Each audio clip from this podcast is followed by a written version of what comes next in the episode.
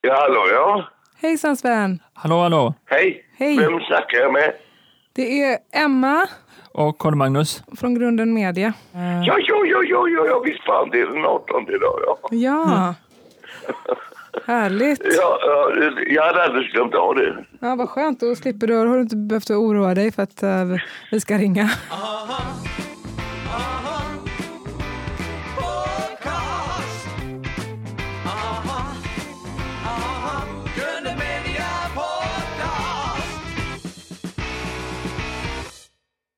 Välkommen Wollter till Grunden Media Podcast med mig, Karl-Magnus och Emma Andrea. Tack så mycket. hur är det med dig idag? Jo, det är bra. Det är, riktigt bra. Här uppe i Luleå, där jag befinner mig, är det 10 grader kallt och mulet och blåser 4 sekundmeter. Så det är inte så här in i bängen lockande att gå ut. Nej. Men, eh, men jag läser, jobbar lite med dator och mår bra. Mm, Fick jag en tanke om att, du- att du är där uppe bara för att du ska slippa gå ut. Att du ska sitta, och då får du sitta inne med gott samvete när det är sånt väder där uppe. Alltså kan man säga, jag bor ju här uppe nu. Vad är det du sitter och läser på? Och jag läser på. Ja. Ja. för närvarande så läser jag på eh, Helena Ferrantes eh, fjärde del i, i den där bokserien om min fantastiska väninna som ni kanske har hört talas om. Nej, det har du inte. Det hör jag på dig. Nej. Nej, men det är en av de senaste årens stora boksensationer. Elena Ferrantes, min fantastiska vä- vä- väninna och som sen har kommit ut en, en, ett bokverk som har tagit fyra delar, va? eller håller på med sista delen, som heter Det förlorade barnet. Så den rekommenderar jag er att läsa. Okej, det är lite som Knausgård men kvinnlig. Nej, jag skojar bara. Jag tror att det är väldigt stort avstånd mellan Knausgård och Elena Ferrant. Om jag... ja. Ja, Eh, hur ser en vanlig dag ut för dig och eh, vad har du för vardagsrutiner? Alltså, det är lite olika. Du vet att eh, jag har ju gått i pension för ett tag. Och eh, det har också min fru gjort. Mm. Så vi har långa dagar. Och Vi, ofta, vi läser myror så vi kan bli sena kvällar. Så vi har långa månader. Mm. Och så växlar vi om lite grann med att göra frukost som alltid består av frukter som är skurna tillsammans och nötter och, och, eh, och yoghurt, kaffe Mm. och kanske en macka. En väldigt bra frukost. Jag rekommenderar till er ungdomar Ingen gröt om då? ni vill, om ni vill bli gamla. Låter jättegott. Ja, det är gott, men det är framförallt nyttigt och inte en jäkla massa socker och grejer. Utan Ja, jag gillar inte så mycket mjölkprodukter på morgonen. Jag tycker det kan bli lite, lite kallt och så slemmigt med yoghurt på morgonen. Men jag gillar gröt. Jag gillar också Jag gillar gröt, det gör min fru också. Ja. Så det blir gröt för henne ibland. Mm. För min del så har jag ätit färdigt min gröt redan i 21-årsåldern. Mm. Det säga för 60 år sedan. Därför att vi fick så äcklig gröt i lumpen. Så jag, jag fick gröt för resten av livet då. Jag åt min gröt och läste tidningen Tog väskan i min hand och kysste kärringen Djup låg snön och natten såg mitt spår där på vägen som jag traskat fram i tretton långa år. Och denna dag låg vinden på från nord. Vi svetsade på däck 30 meter ovan jord Då hörde jag ett dån och någon som skrek Sven och allt försvann i blod och eld och det blev natt igen Vi hoppar in här på Solsidan då. Den här eh, senaste filmen. Ah, Solsidan ja. Om, vad var det bästa? Vad var det roligaste med att spela in? Och vad var det tråkigaste och värsta? Det roligaste var som alltid kamratskapen. Det här gänget som har jobbat ihop så mycket tidigare. Mm. tog emot en, en, en, en gammal kollega som jag med liksom kände med öppna armar. Det var, inga problem. Det är i allmänhet inte det i våra kretsar. Alla känner till hur det är att komma ny in i ett sammanhang, bli vänligt bemött och så. Mm. Så det uppstod en, en väldigt god känsla med en gång. Mm. Hur lång är en sån här inspelning, alltså från första dagen till sista dagen? Ja, eh, normalt sett det, det tar det ett par månader. Jag var inte med hela tiden, utan om du har sett filmen så ser du att jag har en ganska liten roll. Men den större delen av den filminspelningen skedde för min del nere i Torekov i Skåne. Och, och, under sommaren och det var väldigt trevligt. Jag bodde på ett trevligt hotell och i mysig eh, samvaro där vi inte jobbade. det var bra.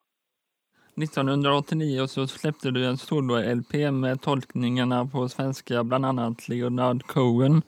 Och eh, hur var det att tolka Leonard Cohen och Tom Waits? Ja, ni hör ju på min röst hur jag låter.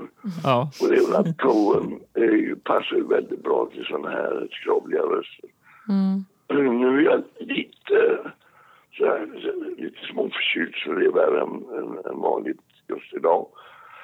Nej, det var, det var, det var jättespännande. Mm. Och jag hade ju... Uh, Richard Wolff översatte den, tolkade, ska jag säga, uh, Take This Texten och, och Claes Östergren, numera, eh, numera medlem i Svenska Akademin, eh, tolkade den eh, I'm the man, eh, eh, den här, den här kärlekslåten, den andra Coen-låten, hade fått väldigt bra texter och tyckte det var väldigt roligt att göra det här, självklart. Jag hade ju aldrig trott jag skulle ge ut en skiva. Det var. Silas Bäckström som ringde mig och sa ska du inte göra skiva? Jag hade sjungit lite på scen och sådär. Mm. Jag blev mycket överraskad, men det var roligt. det. Mm.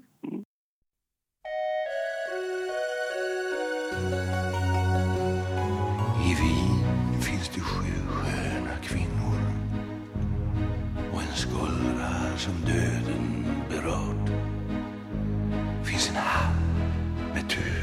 tusentals fönster och en dunge där duvorna dör. Det finns en reva som slitits från ljuset i montern som grånar av frost. Aj, aj, aj, aj. Ta min vals, ta min vals.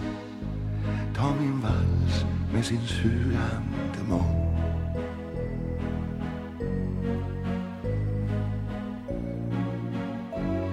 Jag vill ha dig, vill ha dig, vill ha dig.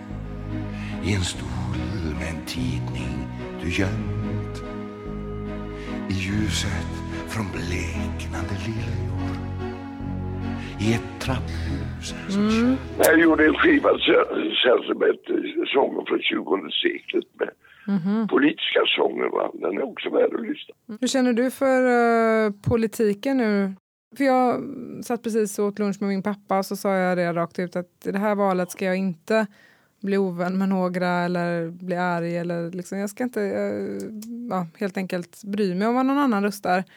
Och, det kände, och då kände jag att jag, ja, men nu satte jag min vad ska man säga, agenda för det här året, för det här valet. Har du någon sån att du har liksom bestämt dig för hur du ska tackla det här valet känslomässigt?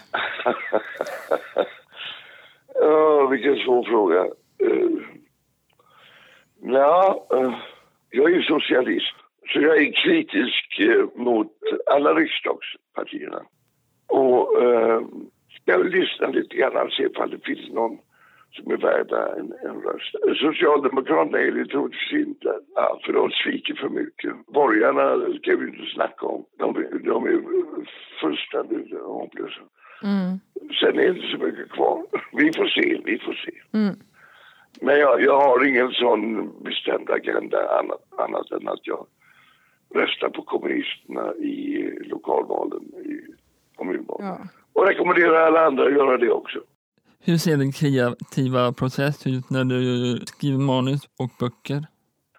Jag har precis i förrgår skickat in min andra roman till förlaget efter att ha jobbat på den i ett och ett halvt år. Så jag vet inte riktigt vad jag ska svara. Jag, jag, är ingen, jag är ingen proffsig inställning. Jag, det är inte så att jag går upp klockan sju varje morgon och skriver i fyra timmar. Utan ja, på sista tiden har det blivit eh, åtta timmar om dagen. Men, men, eh, men, men eh, annars så skriver jag väldigt mycket på inspiration. Är du mer som en kvällsmänniska, att du har mer inspiration på kvällen?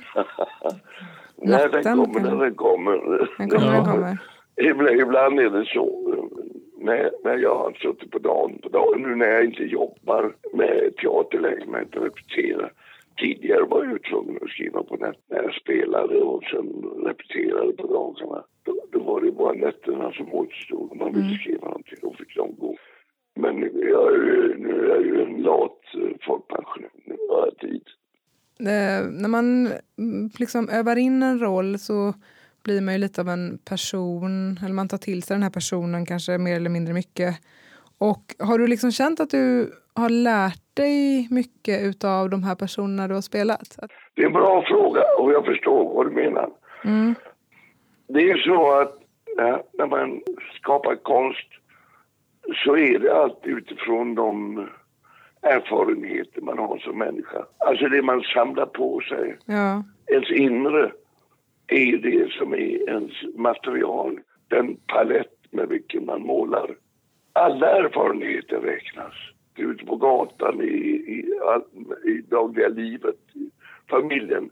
Som de man läser. Att läsa Tjechov eller Shakespeare är en erfarenhet. Den använder jag lika mycket andra erfarenheter. Manuskriptet jag för närvarande läser är också en erfarenhet. Och dessutom en, en, någonting som jag bryr mig väldigt mycket om eftersom det finns en författare som har, en, har haft någon anledning med just den roll jag ska gestalta. Och då, då handlar det om att försöka förstå det. Och det är någonting man lär sig mycket. Då förstår man, lär man sig inte bara förstå den människan Nej. som man ska gestalta utan kanske också andra människor. Så svaret på din fråga, ja visst har alla dessa roller lärt mig en massa. Vilken är den bästa rollen du spelat och, och varför? Ja, det är en fråga som alla journalister ställer till en. Eh, och den är lika omöjlig att svara på. Jag har hållit på med det här yrket i över 60 år och gjort massor. Och då är det inte så länge den enskilda rollen utan sammanhangen eh, som man har deltagit i. Va? I Göteborg till exempel startade vi en teater som hette Angeredsteatern 1978. Det var en erfarenhet. Där spelade jag eh, Galilei i, i Brechts pjäs och en del andra roller. den Galilei-rollen blev någonting av det bästa jag gjort. Men det var själva den samlade erfarenheten av att starta den här Angeredsteatern som var det stora, så att säga, det viktiga. Och, och så var det, jag har gjort eh, massa grejer på Göteborgs stadsteater. Senast, eh, eller så gjorde jag en, en, monolog med, eh, om Miles Davis som heter Driving Miles. Det var en stor erfarenhet med Eva Bergman som regissör och sex musikanter från Backa Teater som spelade. Väldigt bra, det var den jag var och såg. Jag såg den. Ja, jag såg den på Stadsteatern.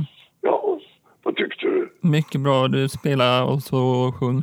Jag tyckte det var underbart att spela den. Så där har du ett aktuellt exempel där man kan säga att både den er- erfarenhet som författaren skriver om här plus min egen erfarenhet eh, samman till en gestaltning som jag är lite stolt över, det måste jag erkänna. Mm. Den, eh, som sagt så åt jag ju lunch med min pappa idag och så sa jag att jag skulle intervjua dig och då så sa han att ja, han spelade så bra pappan i Änglagård där. Jag kommer inte ihåg, jag har inte sett Änglagård på så många år. Men eh, kommer du ihåg när du, hur, när du spelade pappan i Änglagård och, och liksom... Ja, det kommer jag ihåg. Ja. Vi gjorde ju den tre gånger. och sista gången var ganska nyligen. Ja. Jo, visst kommer jag ihåg det. Det var förfärligt roligt att vara med i det där. generöst och Colin Nutley var skojig att jobba med. Och vi improviserade allting. Det fanns inte en skriven replik när vi Jaha. körde igång den. Nej, utan bara en, en storyline, alltså man beskriver scenerna. Och så fick vi skådespelare improvisera fram texterna, replikerna. Nej, det var, det var, det var jätteroligt att vara med i det Mm. sammanhanget. Men det är som sagt var alltid roligt att filma. Nästan alltid roligt. Det finns väl undantag. Eftersom det är en slags bonus på det vanliga teaterarbetet som ju är grunden för en skådespelare. Mm. Alltså. Och att sen få filmroller eller tv-roller, det, det är liksom bingo. Känner du att du har full tillit till att när du går upp och eh, spelar någonting att du känner att så här, du behöver inte oroa dig för att ja, det blir bra även om du inte har förberett dig? Eller, eh, Ja, tillit är kanske ett bra ord. Man måste nog ha tillit till sin egen förmåga. ja. Men man eh, kan inte gå in på scen och säga nu ska jag vara jävligt bra. Man kan inte gå in och ha ett slags prestationskrav. Om, du skulle ho- hoppa höjdhopp och ribban låg på 2,40 va. Nu ska jag minsann prestera detta hoppet. Nej, det är tvärtom. Man måste kasta av sig pres- prestationskraven och ha ett annat krav. Sanningskravet, ärlighetskravet. Att man inte fuskar. Att man liksom inte gör grejer bara för att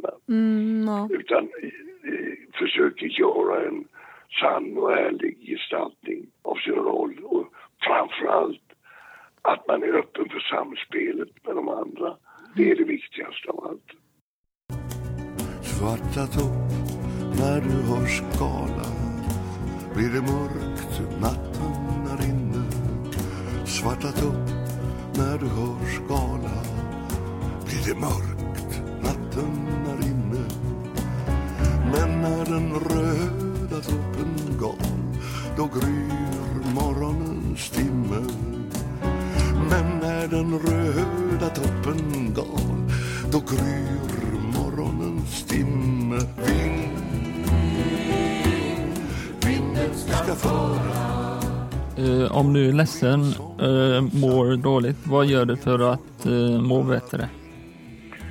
Inte så mycket, hörru du. Nej, det får lov att vara så. Ledsenheten är också ett material att använda på scen. Det får färga av sig som det blir. Jag kan inte svara på det. Nej. Jag tror inte att det är bra att uh, häva i sig ett järn eller ta sig en, en, en joint eller något sånt där. Nej. Det blir ingenting bättre. Nej. Nej, för jag tänker, det känns som att nu för tiden så är folk mycket räddare för att må dåligt. Är du, du är inte rädd för att må dåligt?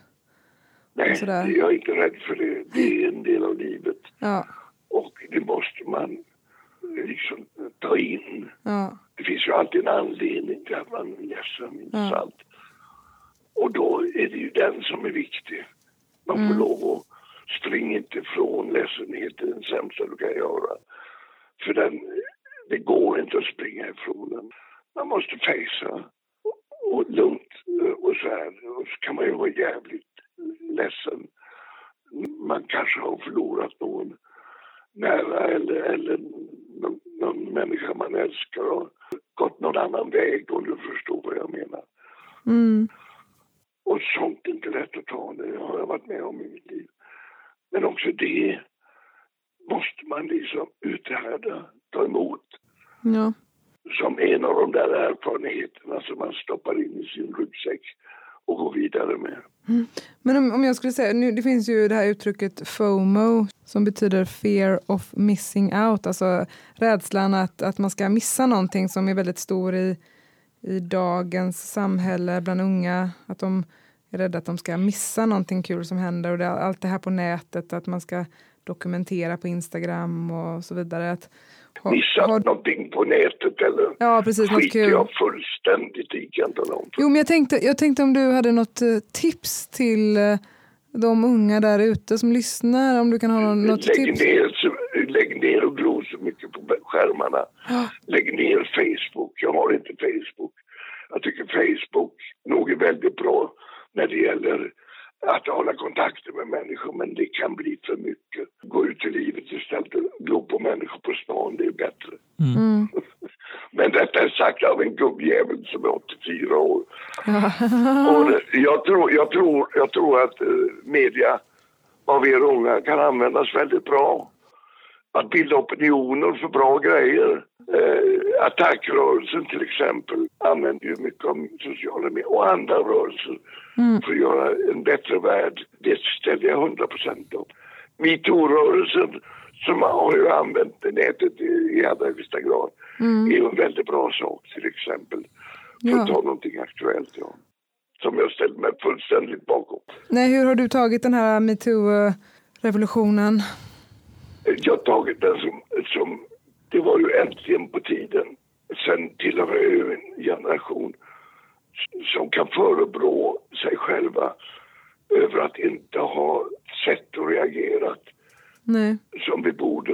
Eh, och eh, det, det, även om vi inte själva har tillhört eh, de här häcklarna eller eh, så, människor som har bara varit eh, sexuellt aggressiva mm. där, så, så kunde vi kanske ha ögonen öppna bättre. Vi har haft det i några fall det, det, som jag har varit med om att försöka ställa till rätta men, men i andra fall där jag säger till mig själv herregud gubbe, hur blind får man bli? Va? Mm, ja. Där har vi alla ett ansvar. Om du fick börja om igen, vad skulle du satsa på då? Som in... Jag ångrar ingenting. Jag ångrar inte ens de dumheter jag har gjort, och de, och de är många. Ja. Utan det har gett mig ett liv som jag får lov att säga, ja, jag har mm. levat. Mm. Och uh, jag är, det enda som är jobbigt är att det har gått så förbannat fort. Mm.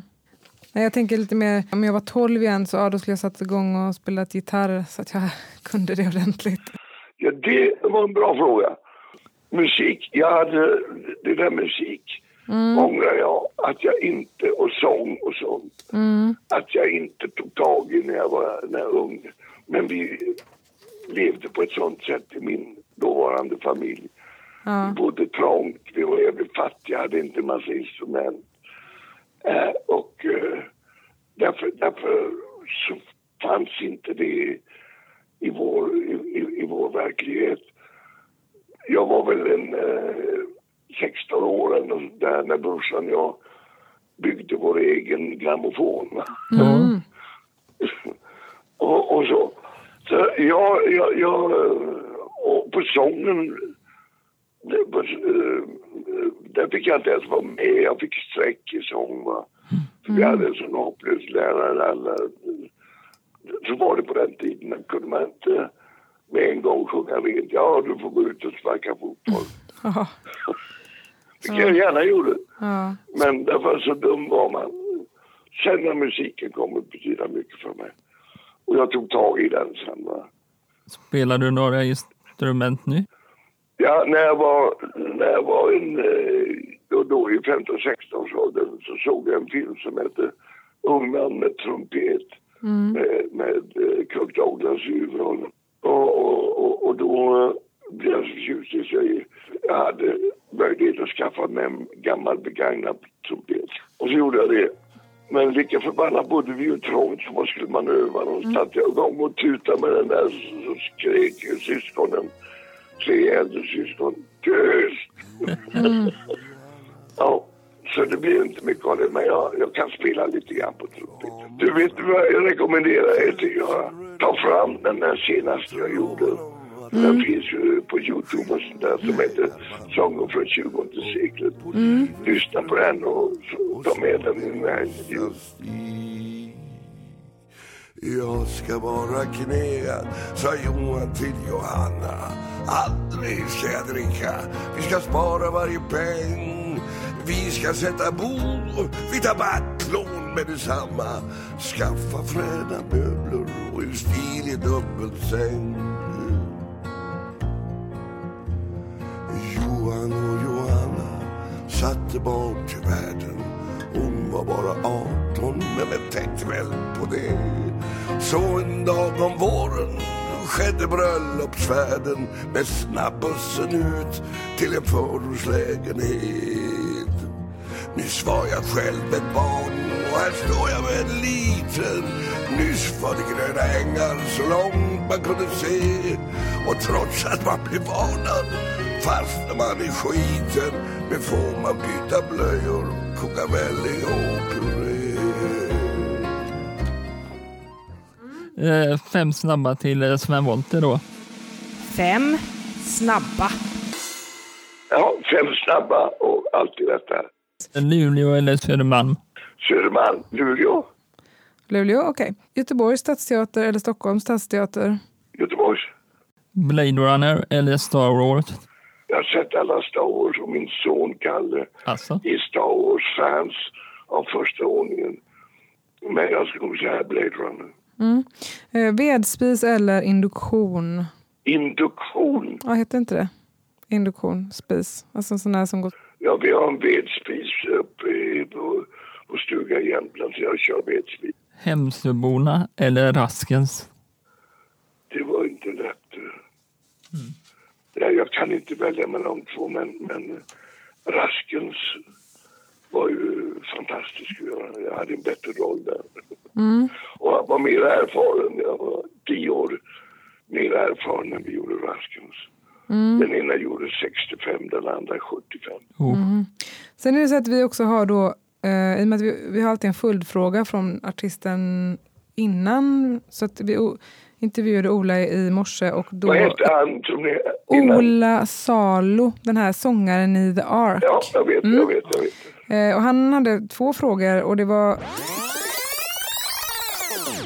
Så att när jag var liten så tittade jag på honom i en roll som hette Raskens som handlar om en småländsk soldat. Jag vill minnas att han var väldigt duktig på att prata småländska i den. Jag är ju från Småland själv. Så jag undrar om han tyckte att det var svårt att lära sig prata småländska när man inte kommer härifrån.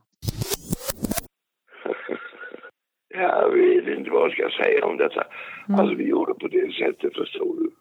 Att varenda morgon som vi hade inspelning så satt eh, hon som spelar Ida och jag nere i spinket och pratade våran småländska. Och våran regissör, han var smålänning. Så vi jobbade med honom mycket. Men det var inte helt lätt. Och blev väl lite si och sådär ibland. Mm. Och sen undrar jag, eh, eller så undrar han menar jag. Precis. Eller så kan ni fråga honom hur det var att vara med på tältprojektet där när de åkte omkring och gjorde spelade teater på 70-talet. Det tycker jag verkar intressant också. Ja, ja, men då ska jag lyssna när ni pratar med Sven.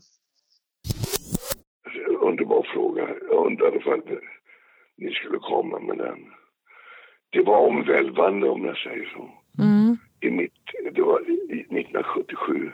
Då hade jag ju hållit på med teater i, i 43 år. Mm. Ja, 43, Oj. 43, jag började 53. Nej, eh, 20.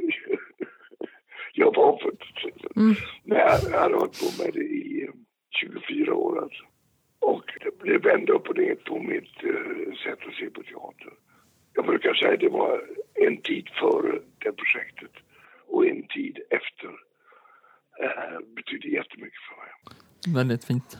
Ja, det, var, nej, men det, hela, det, det, tar ett, eh, det tar en hel dag att berätta detta. Men jag kan säga det att Angereds teaters tillkomst året efter är en, är en av de resultat Mm. som för min del eh, kom efter, Ja. efter det här projektet. Du ska få ställa en följdfråga till nästa intervju och det är Lars Lerin. Honom måste ni hälsa för mig för vi känner varandra Mm. Det- Nej, jag älskar Lars Lerin. Ja. Ska jag fråga honom någonting? ja. En gång frågade jag honom, han pratar ju våldsam värmländska. Och en gång frågade jag honom inte var, varför inte hans dialekt syns mer i hans tavlor. Är det inte det den gör då? Uh, nej, det tycker jag inte. Nej. Och det är lika bra det.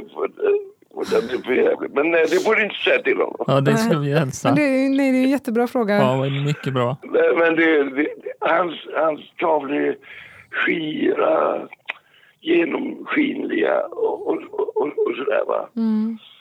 Och jag tycker det är jättebra. Han är en fantastisk konstnär. Ja. Jag frågade detta mer på skoj. Vi satt Ja. i en taxibil. Och, och så, så då tar vi den. Ja. Vi kör den. Vi kör den, Han kommer att komma ihåg det för att Ja. vi skrattade mycket åt det. Trevligt. Stort tack för att vi fick tala med dig. Tack själva. Krya Tack på själva. dig. Lycka till med allt. Ja. Ja, detsamma. Hej, hej. hej. hej. hej.